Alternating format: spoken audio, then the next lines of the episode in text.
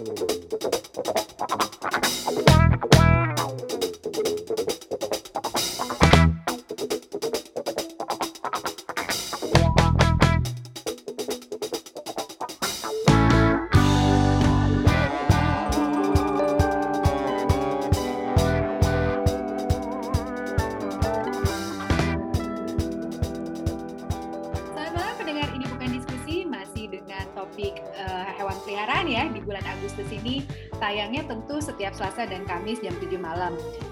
sesuai dengan topiknya beda-beda kan ya. Ada yang sukanya tuh kalau melihara di rumah ayam.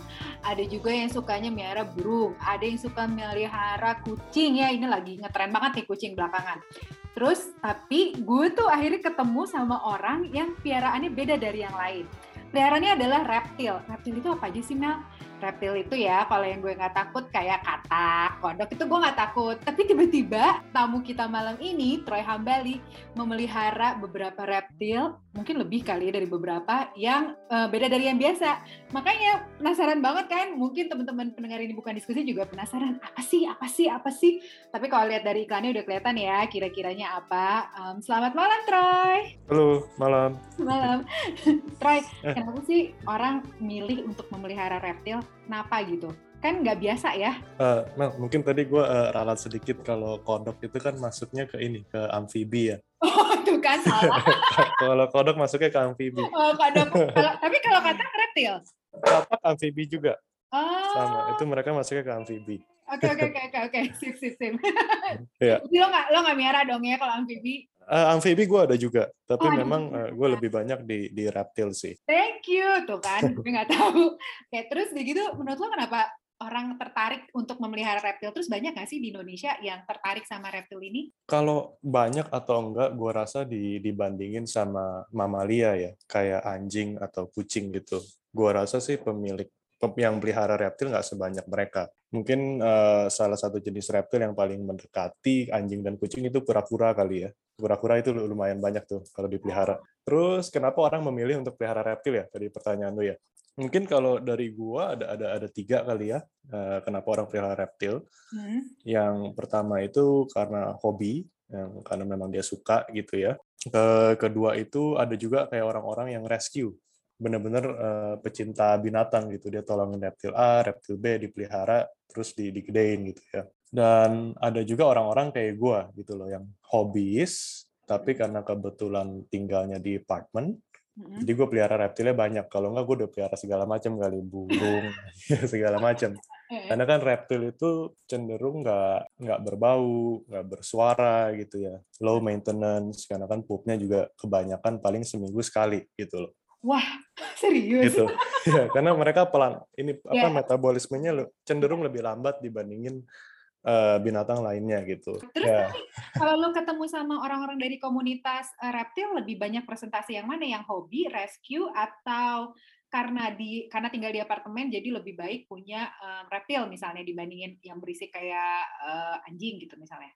Oke, kalau di komunitas yang ini komunitas ini pen- menurut pendapat gue Mel ya. Iya iya betul. Eh, lebih lebih banyak eh, hobis sih, lebih banyak hobis. Ah, Dan gue berani bilang di industri ini ya, industri reptil gitu ya, pelihara reptil, itu sebenarnya cukup berkaitan erat dengan ego sama narsisme manusia sih. Biasanya orang kan pelihara reptil supaya kelihatan keren gitu, unik gitu ya. Oh.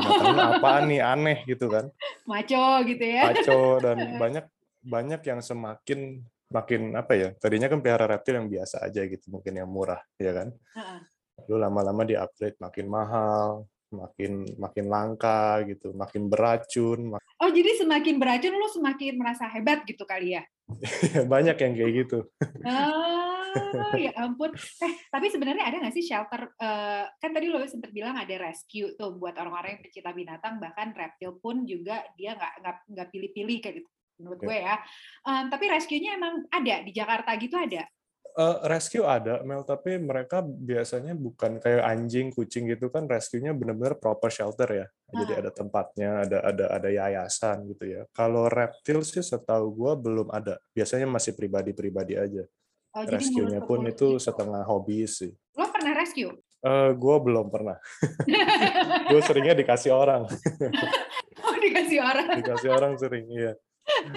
Terus masih ingat nggak sih sebenarnya lo pertama kali uh, melihara binatang itu apa? Langsung ke reptil atau dulu tuh masih sukanya yang uh, lebih umum, misal burung gitu atau kucing? Hmm, kalau binatang pertama gue dari kecil sama anjing sih Mel sebenarnya. Dari ah. sepanjang hidup gue dari gue lahir sampai sekarang. Oh, mungkin ada ada satu periode lah waktu gue kuliah ya karena gue di luar negeri. Hmm. itu gue nggak ada anjing. Tapi itu binatang pertama kan orang tua juga sih itu anjing. Okay. tapi kalau yang pertama benar-benar gue pilih sendiri eh gue mau pelihara nih itu itu bebek sebenarnya dulu. Bebek materi bebek. Bebek. bebek masih kecil waktu itu. Kenapa bebek biar lo bisa kan sempat uh, musim tuh waktu gue waktu gue kecil sih ya bebek kayak diwarna-warnain warna hijau, warna pink. Aduh, yeah. dasar terhadap bebek. Kalau gue waktu itu karena gue liatnya lucu gitu, bisa bisa berenang, uh -huh. gitu, bisa bisa jalan di darat juga, uh -huh. bisa bukan bisa terbang sih, bisa kayak lompat cuman lumayan jauh gitu kan. Lucu ngeliatnya. Lucu. Tapi sempat memelihara bebek sempat. Sempat, sempat. Itu binatang pertama yang benar-benar gue pilih sendiri, gue mau pelihara gitu loh. Masih kecil, waktu kecil. Ya, ini aneh banget. Oke, catat dulu. Terus apa dong turning point lo memilih untuk memelihara reptil? Kenapa bisa dari anjing ke bebek ke reptil? Uh, kalau itu karena leopard gecko, Mel. Lo tau gak sih gecko tuh yang yang warna-warni, ada yang warna orange, ya. ada yang putih, ada yang merah, segala macam. Uh, itu gue beli juga masih kecil sama bokap gue tuh waktu itu mungkin umur umur 10 umur 11 gitu ya hmm. gue beli sepasang waktu itu hmm. sepasang itu beli, berarti perempuan sama laki ya uh, iya perempuan dan laki-laki gitu kan gue pelihara beberapa bulan eh ternyata dia bertelur habis ah. bertelur netes kan yeah. netes empat ekor tuh gue masih ingat jadi ada enam uh. ya kebayang gak sih anak kecil yeah. beli dua pelihara berapa bulan jadi enam. Jadi enam. Bingung kan?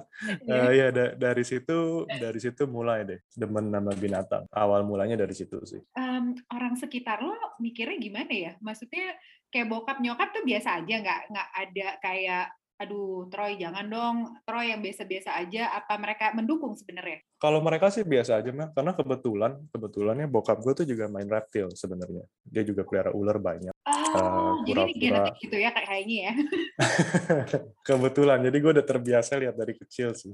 Itu berapa ular waktu lu eh, waktu lu masih tinggal sama bokap nyokap? Oh kalau bokap banyak sih dulu memang puluhan sih zaman dia zaman dulu ya sekarang nah. mungkin udah mungkin bahkan ratusan kali zaman dulu sekarang udah nggak nggak sebanyak dulu kalau ular ratusan gitu disimpannya di kandang kayak apa ya maksudnya di kandang atau di alam bebas atau gimana Oh, itu tergant tergantung jenis ularnya, Mel. Jadi kalau misalnya kayak gua gitu ya, ball python, hmm. gua taruhnya tuh kayak di, gue susah jelasin, kayak di rak-rak gitu, terus ada laci-lacinya. Cuman bener-bener begitu doang naruhnya. Untuk apa istilahnya, untuk breeding gitu loh, untuk ternak setupnya memang harus begitu karena dia suka di tempat yang agak sempit, agak gelap, uh-huh. supaya mereka nyaman, baru mereka bisa breeding. Oh, makanya gitu. foto-foto lu tuh kayak mereka kayak di ruang sempit gitu ya? Gue pikir yeah. itu kayak emang lu props gitu, emang lu persiapan biar lucu gitu di fotonya. oh enggak. Enggak, enggak. memang perlunya begitu. itu lo jadi berarti di rumah ada satu kamar sendiri yang isinya laci-laci-laci-laci itu dong? kamar sih enggak. Jadi sebenarnya di apartemen gue itu kayak ada bukan kamar ya, kayak ruangan luas gitu. Hmm. Itu gue taruh binatang-binatangnya di situ, gabung. Laci itu lo beli atau lo bikin sendiri kayak custom uh, sama orang? Custom, custom. custom. Jadi gue beli kayak baknya dulu, kayak lacinya dulu. Uh-huh. Habis itu gue kirim ke tukang tukang aluminiumnya ntar dia ukurin oh bikinnya kayak gini gitu ya size-nya sekian kalau misalnya lo pelihara berbagai macam ular bayangan gue tiap lacinya beda-beda dong ya ukurannya atau sama rata uh, beda-beda jadi gue ada tiga rak sih memang ular untuk ular kecil lalu ular yang sedang sampai ular dewasa itu ukurannya beda-beda setiap rak gitu makanya lo bikin kayak ininya dulu ya kerangkanya dulu kali ya Betul. Itu laki-laki sesuai. kalau keluarga kan lo udah biasa ya. Kalau teman-teman lo gimana ya? Gue gak kebayang deh. Kalau misalnya, yuk main ke rumah Troy. Yuk, eh lihat gue, jeng-jeng. Mendapat teman-teman uh, ada komen-komen lucu gak sih? Atau orang-orang yang baru kenal lu gitu? Yang paling sering ditanya ini, Bini nggak apa-apa nih? ya itu, eh, itu paling sering ditanya sih.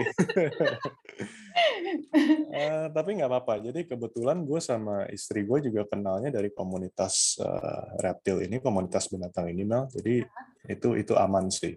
Aman. Lalu komen-komen lucu lain, Enggak sih. Cuman ada beberapa mungkin yang masih punya kepercayaan zaman dulu yang katanya pelihara ular tuh apa sih istilah ciong apa nggak nggak bagus gitu loh. Ah. itu masih ada sih beberapa orang kayak gitu yang ngasih tahu gue eh nggak boleh lu pelihara ular. Itu ah Katanya nggak bagus. gue baru dengar malah emang nggak boleh ya. Ka- Katanya ya, nggak tahu deh bener atau enggaknya. gue cuma tahu, gue cuma pernah dengar katanya miara burung sama miara ikan buat nolak santet. Kalau ular nggak pernah dengar. Iya, ya, kepercayaan-kepercayaan gitu lah. Ah, tapi itu ka- kalau lo digoda-godain gitu atau nggak dikasih celotehan yang aneh-aneh gitu, lo santai aja atau Eh, Santai aja sih. Gue gue cukup apa cukup netral, gue nggak gitu peduli juga sih. jadi lo nggak yang langsung dikasih, oh bukan kayak gitu, gini gini gini. Enggak, enggak. gini." kan ada ya Enggak. orang kayak gitu. Sekarang ada berapa reptil yang lo punya? Eh kalau jenisnya ada ada ular, ada kura-kura, ada kadal, tiga itu sih. Tapi kalau dibagi lagi ke bawahnya ada puluhan sekarang Mel. Gue juga nggak ngitung sih. Lima puluhan kali ya. Gila, 50-an. Lima itu puluhan. sebenarnya kalau misalnya kura-kura sama kadal berarti eh, kandangnya beda dong ya, bukan yang di laci-laci itu ya? Oh beda. Kalau itu harus beda. Kalau kadal makan kand- eh, apa namanya tempatnya perlu lebih besar. Makan tempat dia gede. Nah, Eh, perlu banyak gerak. Seperti gitu. apa sih kandangnya kadal itu? Apakah kayak kandang akuarium? Apakah seperti kandang anjing atau kucing? Kayak apa? Gue nggak kebayang soalnya. Kalau gua di sini pakai ini namanya Mel, terrarium. Itu kayak akuarium yang ada pintunya tapi di depan. Kita sebutnya Ada. terrarium. Nah, itu sekarang ukurannya pakai yang 120 kali 80 cm. Jadi lumayan gede sih memang. Itu lo ma- satuin beberapa kadal dalam satu kandang atau terpisah-terpisah? Oh, eh, satu kan itu. Satu doang. Mereka Iya. nggak saling ini ya, nggak saling perang ya atau berantem satu sama lain ya? Kadang-kadang sih Mel, jenis-jenis kadal tertentu ya kalau kalau dia lagi mau kawin gitu ya, bisa Hmm. saling saling serang. Hmm. Eh, tapi nggak semua kadal ya. Kan kadal juga jenisnya ada banyak tuh. Gitu. Terus kalau yang si kura-kura, lo tak kura-kura itu kandangnya harus kolam apa enggak sih? Eh, kalau kur tergantung kalau kura-kura air Mel itu di Hmm. kolam biasanya ya atau mungkin ada yang pelihara kayak di bak gede gitu juga ada sih. Hmm. Kalau gua kayak di akuarium di terrarium juga sorry. Terus digabungin sama buaya. bentar, lucu. bentar, bentar. Jadi lo ada Iya. buaya juga. Ada buaya juga. Jadi itu tadi masuknya ke kadal ya? Buaya kalau buaya sendiri sih sebenarnya. Terpisah buaya- lagi. Ntar ya, gue pengen mencoba, mencoba membayangkan ini buaya lucu-lucu kecil gitu apa udah buaya jadi beneran buaya gede? Sekarang masih kecil baru sekitar mungkin 40 cm kali ya. 40-50 cm, belum gede-gede banget. Heeh, Ini Dan yang gue pelihara itu Cuvier dwarf caiman. Jadi eh, buaya terkecil di dunia. Gitu. lucu. Terus gue mau fotonya itu. Nanti gue share, nanti gue Iya, share. iya, mau, mau, mau. Terus lo dapetin em, ini semua, dikasih semua, atau lo ada beli? Kalau misalnya lo beli, lo niat nggak sih, pernah niat nggak sih belinya sampai keluar negeri gitu, pesan dari... Kalau yang ball python memang ada beberapa import Mel, dari dari luar negeri. Hmm, Eh, kita pesan sendiri gitu ya. hmm. Kalau yang dikasih kebanyakan lokal sih, jarang yang pemberian dari luar negeri nggak ada. Kalau import buah sama python dari mana? Berarti India. Eh, yang punya gue dari Amerika, Kok dari bule? Dari US. Kenapa lo pilih dari Karena- US? Apa karena emang em, di situ orang memamah biaya, bukan ya, breedingnya lebih bagus di Amerika? Betul, morphnya lebih modern sih. Gen-gennya itu lebih lebih modern. Karena kan di di ular itu banyak genetiknya. Nah, Heeh. dan itu gua rasa saat ini Amerika masih yang paling maju ya untuk genetik ball python. Lo pilih genetiknya tuh berdasarkan apa sih sebenarnya? Ada dua sih kalau kalau gua yang pertama berdasarkan apa yang gue suka. Karena kan gennya itu lain-lain ya. Ada Hmm, yang berdasarkan warna, ada yang berdasarkan motifnya, patternnya gitu ya.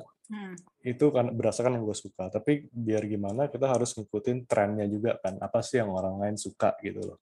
Iya. Nah itu kita harus masukin juga. Mau nggak mau harus ada eh, pertimbangan dua itu sih. Terus cara melihara reptil itu gimana sih? Lu bisa bawa pendengar ini bukan diskusi plus gue sih sebenarnya. lu dalam satu hari itu ngapain aja tuh yang melibatkan em, melibatkan lu memelihara si hewan-hewan peliharaan lo yang ada lebih dari 50 hewan ini. Itu ngapain aja dari mulai lo bangun, terus lo tidur, terus kalau weekend lo ada spesial perhatian spesial nggak ke mereka atau gimana? Gini, kalau dari reptil itu kan tadi 50-an itu mau, itu hampir eh, setengahnya ball python sebenarnya, ular. Gitu ya. Oh, oke oke. Dan ular itu sebenarnya yang paling low maintenance dari dari semua peliharaan gue sih. Makan cuma satu minggu sekali, gitu kan? Iya. Jadi Makan uh, pup- ya, tikus. Jadi lu oke nanti deh gue tanya gue berikutnya. Terus, terus. Iya, terus pupu pipisnya juga biasanya paling seminggu sekali gitu ball python. Jadi Hmm, gue bangun tidur pagi gue cuma ngecek lacinya doang, gue buka-bukain. Kalau Hmm. memang ada yang pupu pipis ya udah gue tukar sama yang apa eh, rak baru gitu ya, laci baru, Oh, yang kotor gitu. pindahin. Iya, Ah, ah, ah. itu kalau kalau ular ya. Eh, kadal-kadalan juga sebenarnya sama sih Mel, kurang lebih. Eh, makan juga seminggu sekali, pupuknya juga di air gitu ya bersih. Jadi paling kita ganti air aja kalau memang dia ada pup gitu. Eh, untuk reptil yang paling agak ribet sebenarnya kura-kura menurut gua. Kura- Pura-pura ya. Kura-kura itu makannya setiap hari kan, Nah, makan setiap hari, terus perlu perlu apa lampu lampu panas gitu kan, pupuknya juga lumayan sering. Nah itu yang setiap hari harus dicek, airnya juga diganti, dikasih makan itu yang paling ribet sih kalau untuk Hmm. reptil. Buaya paling enak, buaya Kenapa? paling enak. Karena buaya kan di air terus, Mel. Kalaupun kotor, kita tinggal kuras airnya, kita buka gitu ya pembuangannya, Hmm. isi air lagi, udah gitu doang. Iya. dia nggak merasa terganggu ya pas lo lagi eh, buang airnya terus lo isi lagi airnya? Eh, enggak sih, udah udah jinak sekarang sama gua. Oh iya itu pertanyaan gue juga sih. Butuh berapa lama sih buat lo menjinakkan si reptil-reptil ini? Apa karena lo udah kenal mereka dari bayi, jadi mereka tahu kalau lo adalah alpha male-nya di rumah itu gitu? Oke, kalau alpha male, alpha male di kura-kura gue kurang tahu ya. Oh Ada, iya. ada atau enggak alpha male di di ball python ada atau enggak itu gue juga kurang paham. Tapi di kadal memang banyak eh, banyak yang ngomongin tentang alpha male gitu ya. Eh, kalau gue pribadi eh, gue kurang kurang setuju dengan konsep alpha male eh, sebenarnya Mel. Karena setelah gue pelihara banyak binatang ini, kalau udah di kalau di total kan udah ratusan binatang nih dari tahun ke tahun ya gue ngelihat setiap binatang itu punya eh, karakter yang beda-beda. Ular mau kadal, mau kura, ada tuh ada yang lebih pemalu, ada yang galak, ada yang agresif, ada yang defensif, itu semuanya beda tuh. Percaya nggak percaya. Sebenarnya kalau kita kenalin mereka lebih dalam, lebih deket gitu ya, kita nggak perlu untuk menjadi alpha male-nya mereka untuk kita bisa jinakin mereka sebenarnya. Terus Kalau memang binatangnya mau jadi alpha male-nya, mau jadi yang memimpinnya, ya kita ikutin aja mainannya mereka maunya gimana. Kita kita coba pahami gitu loh. Oh dia misalnya kalau lagi kasih makan nggak usah diganggu, eh, nggak suka diganggu, ya udah kita jangan ganggu gitu loh. Kita kasih makan pelan-pelan, kita taruh, kita mundur. Lama-lama dia tahu, oh ini orang sopan juga nih. ah, Jadi memang harus ngertiin sih. iya iya. Kayak misalnya nih, gue tuh takut nih ya kalau ketemu, nggak usah reptil deh, binatang deh in general. Kan kadang-kadang kalau misalnya kita nggak biasa ketemu, kita yang kaget atau binatang yang kaget kan. Kayak misalnya nih gue dalam bayangan gue, eh, misalnya ular nih, dia lagi enak-enaknya eh, dilaci, dilaci, di di sangkar, di kandangnya Di di kandang. Oh gitu ya. Pas lo buka, itu lo harus ngegelapin dulu semua ruangan, cuma nyalain beberapa lampu dalam ruangan, biar mereka nggak kaget atau gimana? Kalau gua enggak sih Mel. Jadi gue tetap kondisi kayak biasa aja, lampu gue nyalain semua. Mm-mm. gue buka, ya gue buka aja. Tapi dengan catatan karena gue udah tahu ya karakter ular gue masing-masing nih Mel. Ada beberapa memang satu dua ekor galak gitu. Begitu gue buka langsung coba nyerang. Ada. Mm-mm. Nah kalau yang udah gue tahu kayak gitu, gue bukanya pelan-pelan. Gue buka setengah dulu, setengah lagi. Jadi dia nggak kaget juga.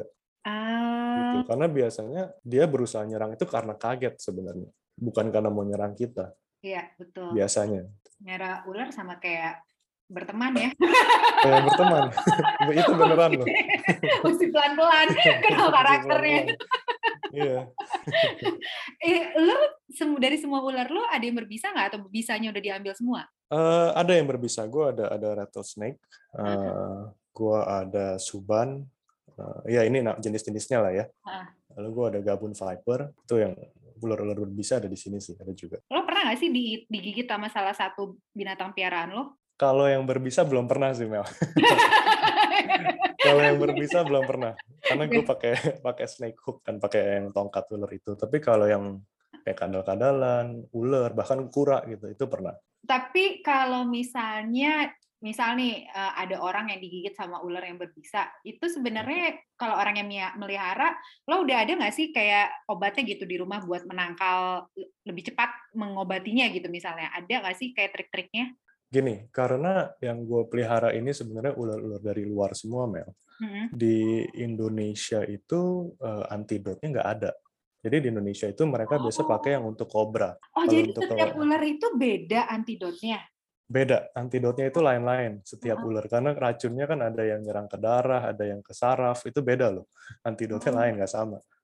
Oh ya ampun ini kalau terus terus kalau mau kalau mau pesan yang sesuai hmm. memang bisa import sih dari Amerika sih cuman itu ada ada kalau nggak salah ada BPOM atau apa gitu mesti karena obat ya iya masih ada surat-suratnya cuma orang kan males masukin gitu marketnya ada gak yang beli betul betul Iya. Oh, ini gue baru tahu. Gue pikir satu, gue pikir satu buat buat semua, enggak ya? Enggak, beda-beda. Orang kan orang-orang kayak gue. Terus, nah, terus um, main sama reptil itu, lo main nggak sih? Kayak kalau sama anjing, um, lo kan ada interaksi ya. Kalau hmm. sama reptil lo interaksinya seperti apa? Murni lo seneng lihat mereka karena lucu-lucu warnanya atau karena lo seneng aja meliharanya atau lo ada joy tersendiri misalnya lo ngajarin triknya si ular bisa melata kayak gini gitu atau si kura kura sih jalannya gitu-gitu aja ya iya. ada nggak sih trik-trik yang lo ajarin ke mereka atau yang bikin lo happy sama istri lo happy ketika mereka ngapain oke okay, kalau terkait reptil ya karena menurut gue setiap binatang itu kan punya uh, keunikan masing-masing ya Mel. Karena di sini kan ada anjing, ada kucing, ada fox, burung hantu, buaya, ular semua semua ada lah, hampir semua ada gitu ya. Yeah dan setiap jenis itu gue mengapresiasinya beda-beda. Kayak misalnya ular ular kan ada yang berbisa ada yang nggak berbisa yang ngelilit tuh kalau ular yang ngelilit itu joy-nya sebenarnya setiap kali kita kasih makan. Itu itu itu salah satu kesenangan sendiri sih. Karena ular itu kan biasanya diem ya nggak banyak gerakan yeah. biasanya ya tenang gitu. Apalagi bawa python. Tapi begitu kita kasih tikus kita kasih kasih makan gitu ya itu langsung jebret langsung diambil istilahnya uh-uh. ya kan? Itu kayak setiap kali lu ngeliat itu kayak ada reminder ke dalam diri gue eh gue mau kayak ular nih. Gue mau tenang gue nggak mau keganggu sama apa-apa tapi begitu ada kesempatan hajar gitu lo ambil. Jadi MBA lo diambil dari sini ya? Iya itu ular kalau ular yang nggak berbisa lah ular yang ngelilit. Kalau ular berbisa lain lagi ini gimana? Kalau ular berbisa itu joynya lebih ketika lu lu bersihin kandangnya lu kasih makan juga sih. Karena kan itu semua harus kondisi lu harus waspada ya. Iya. Lu harus pakai snake hook, lu pakai kalau bisa pakai sarung tangan. Apalagi kalau pemula ya. Kalau gue sih kan udah udah sering jadi gue udah tahu. Kalau pemula sih harusnya pakai sarung tangan, pakai pakai snake hook segala macam kan. Ya itu seru sih kayak kita selalu jaga diri waspada gitu loh. Uh, kayak reminder juga balik lagi kayak bisa disambung-sambungin ke kehidupan sih. Harus selalu waspada tapi jangan jahat sama orang gitu loh. Bukan buat adrenalin challenge buat lo ini uh, ya? Uh, sebagi, pasti sedikit banyak ada lah Mel. Itu itu kita nggak usah bullshit sih. Pasti orang yang pelihara reptil beracun hmm. itu pasti ada sedikit dosis adrenalin yang mereka cari sih. Hmm. Nggak mungkin gitu kalau nggak. Menurut gua ya. Um, yang bersihin kandang sama ngasih makan itu murni selalu lu atau istri lu juga ikutan atau ada orang lain yang ikutan bantu? Uh, kita bagi tugas sih Mel. Jadi kalau reptil, uh, reptil reptil itu kebanyakan, bukan kebanyakan sih, semua di gua. Sama amfibi itu di gua. Kalau istri gua tuh di mamalianya, sama burung. Uh, yang susah-susah istri lo yang tiap hari gitu ya? Karena dia lebih demen sih, lebih lebih ke sana arahnya. Oke oke oke.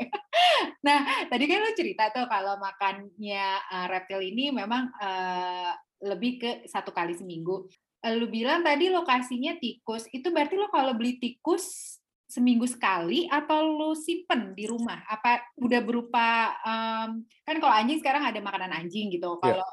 kalau buat kayak reptil ada nggak kayak versi makanan reptilnya yang udah uh, dibuat sama manusia gitu? Kalau dibuat, kalau yang dibuat sih nggak ada Mel, tapi sekarang banyak yang jual udah tikus beku gitu loh. Jadi kalau ketika oh. mau kasih makan tinggal di Dito. tinggal dicairin uh-uh. iya uh-uh. jadi gue kepikiran jangan lo miara tikus juga enggak enggak itu kalau di apartemen nggak bisa sih gue pernah coba nggak mungkin lah itu terlalu bau nggak masuk akal uh, jadi udah bisa belinya yang frozen ya yang frozen iya terus uh, Troy Hmm. Uh, kalau orang baru-baru nih pengen mulai melihara reptil, tapi karena hobi dan memang suka ya, bukan buat maco-macoan.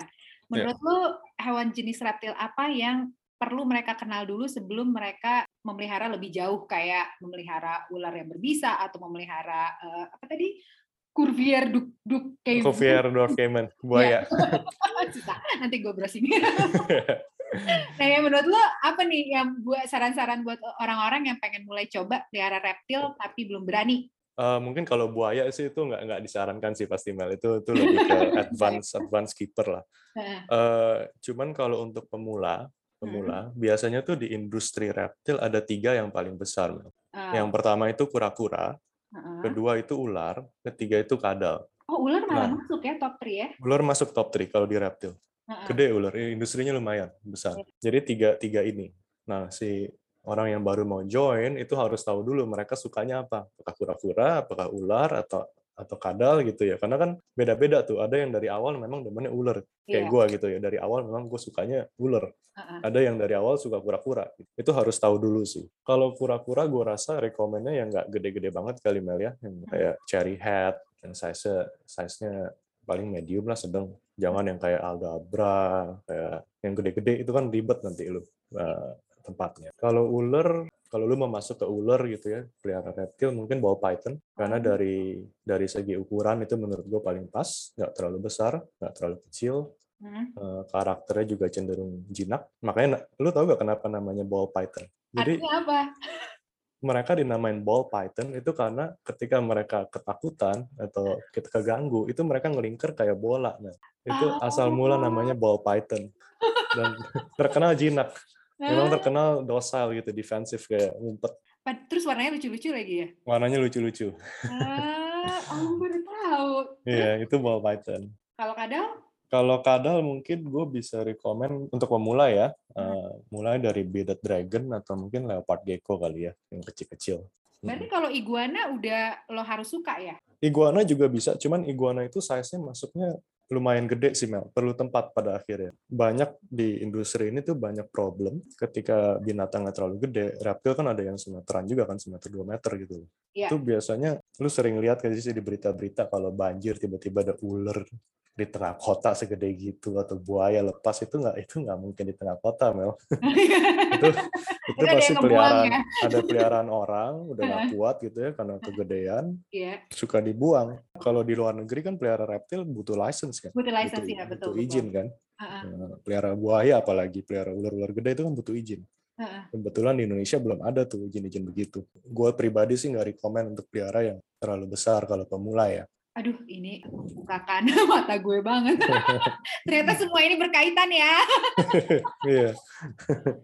Menurut lo kalau gitu ya terakhir Troy, apa sih positif dan negatifnya melihara reptil? Udah kebayang sih sedikit-sedikit, cuman kalau lo bisa jabarin dalam satu kalimat, apa positifnya dan apa negatifnya kira-kira apa? Kalau gue, gue pribadi positifnya itu kita punya kesempatan untuk mengenal banyak eh, keunikan dari ya dari binatang-binatang ini sih, pelihara reptil mm-hmm. dibandingin anjing sama kucing gitu ya beda kan uh-uh.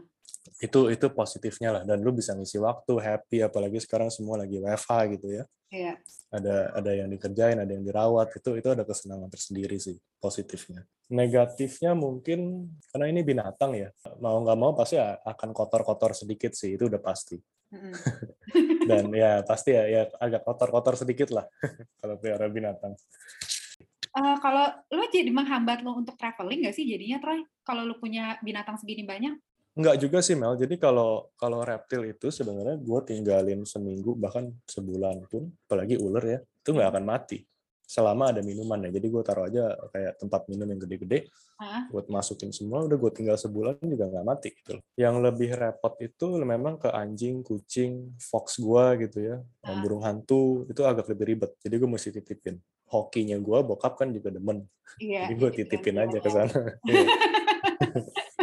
oh, ya ampun ih menarik banget Troy gila sampai sampai kepikiran tadi kalau banjir tiba-tiba ketemu ular gede itu sebetulnya mungkin tidak kebetulan ya itu nggak mungkin di tengah kota kalau bukan peliharaan orang. Iya benar. Makasih banyak Troy atas ya. informasinya. Sekarang gue jadi tahu kalau ada beberapa alasan ya orang melihara reptil mungkin ada juga yang buat gaya-gayaan tapi ada juga yang benar-benar suka dan hobinya memang senang melihara reptil karena maintenance-nya ternyata tidak terlalu um, time consuming ya ya. dibandingin yeah. nama mamalia yang lainnya ini menarik banget terus udah gitu Jangan lupa mendengar ini bukan diskusi, ada frozen tikus, jadi lo nggak perlu melihara tikus ya untuk ngasih makan. Reptil-reptil lo. Um, dan juga kalau misalnya senang mau mulai pelihara reptil, um, ada baiknya untuk ikutin kali ya sarannya Troy. Dimulai dari kura-kura tapi bukan yang size yang gede juga. Terus kalau misalnya ular ball python itu buat pemula lebih baik ya karena mereka um, docile bukan jinak ya berarti ya tapi uh, ramah aja gitu. Lebih baik. Betul. Baik. Terus maintenance-nya nggak terlalu susah dan kalau misalnya teman-teman di sini senang lihat di account-nya. Troy ya? At Troy Hambali Reptiles bisa dilihat tuh lucu-lucunya. Segala macam ada kadal ada ular ada burung hantu ada apa lagi ya? Gue sampai udah banyak. lupa. Ada Murah. banyak. Tapi kalau misalnya udah pengen mulai-mulai kadal dimulainya dengan um, beaded dragon atau tadi apa ya? Lizard lizard atau gecko leopard gecko lah. Leopard gecko leopard gecko. Untuk lebih lanjutnya boleh dilihat um, profilnya at Troy Hambali Reptiles. Uh, terus kalau mau ngobrol boleh kalian di Japri Troynya. Karena kalau Japri gue gue nggak ngerti. Cuma cuma menarik banget dan gue dapat banyak banget informasi baru. Terima kasih banyak Troy untuk waktunya dan mudah-mudahan pendengar ini bukan diskusi juga terhibur ya. Terima kasih semuanya. Selamat malam. thank you.